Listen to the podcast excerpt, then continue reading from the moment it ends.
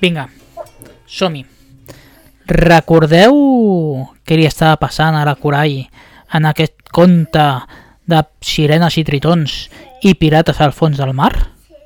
Doncs es veu que la Corai estava al mig de la cuina del vaixell pirata a menjar can calamar i tenien una lluita ferrissada per intentar superar-lo i intentar arribar al tresor. Doncs es veu que quan menys t'ho esperes i no mirava en Jack en Calamar.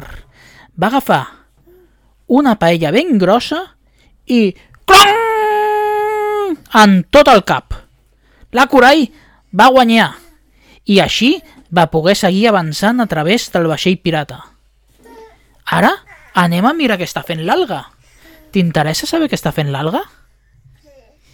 Doncs l'alga va entrar pel mig del vaixell, en, entre els canons i es veu que es va trobar un pirata que es deia Pop Marley. Sí, sí, en Pop Marley era un pirata que era un artiller molt important quan era pirata i ara s'havia mig convertit en pop. Tenia molts braços i era molt fort. I l'alga, quan el va veure, es va espantar molt i va dir «Què faré jo contra aquest?» De cop i volta, en Pop Marley va començar a tirar bales de canon. Pum! Pum! Pum! Perquè volia fer fora a la sirena que volia aconseguir el tresor.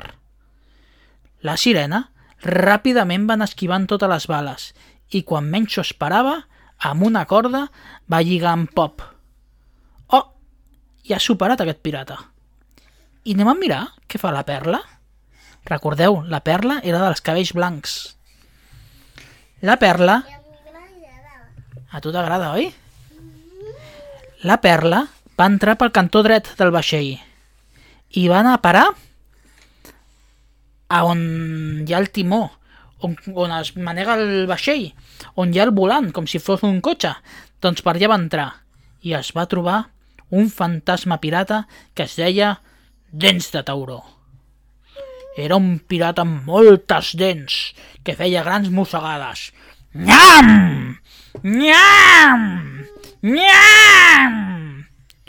La perla es va espantar també, però ràpidament va començar a veure que li fallava la cama. I anava una mica coix, el pirata. Llavors va començar a donar-li voltes i voltes al seu voltant mentre nadava i, de cop i volta, va caure al terra estabornit, mig marejat, i va aconseguir guanyar el pirata. I va seguir avançant. Des de lluny, el tritó llagosta s'ho mirava i deia, sí, ja han guanyat els tres pirates, a veure si ja em aconsegueixo el tresor. Quan estaven a punt d'arribar a la cambra del tresor, va aparèixer... Qui va aparèixer? Ho sabeu? Sí. Qui va aparèixer? Qui va aparèixer? el capità Ull de Cranc. Ai, el capità Ull de Cranc. Imagina't les tres sirenes arribant a la vegada a la cambra. La Corai, l'Alga i la Perla. I al mig de tot, el pirata Ull de Cranc amb el seu tresor darrere. La Corai ràpidament va voler a guanyar-lo per ser ella la que guanyés i la que triomfés en aquesta història però ràpidament, amb un cop de pinça, la va tirar al terra. L'alga també va voler fer el mateix, ràpidament, i amb un altre cop de pinça, pam, al terra. La... El capità. El capità era molt fort, i la perla, el mateix. Va anar ràpidament, ràpidament, pam, cop de pinça, i les tres sirenes al terra. Per què? Per què? Perquè soles no guanyarien. Què havien de fer per guanyar? Fer-ho juntes, oi? com a bones germanes. Es van aixecar, van començar a parlar i es van donar compte que cap era millor que l'altre, que totes eren igual d'importants, que no havia una millor, que no havia ningú millor que ningú. I van començar a nedar al voltant del cranc, de l'ull de cranc, el pirata, i una li donava un cop de bua, l'altra li donava un cop de puny, l'altra li donava un cop de, de, de colze, i van així anar guanyant mica en mica a l'ull de cranc.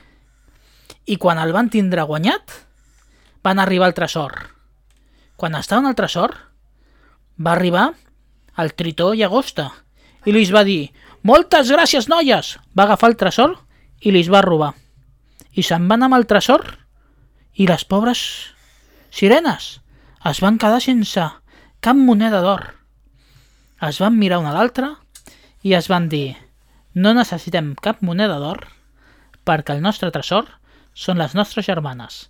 Es van abraçar ben fort i a partir d'aquell dia mai més, mai més, mai més van discutir per quina era millor. No van discutir per res i van ser sempre amigues. Conte contat, conte acabat. conte acabat.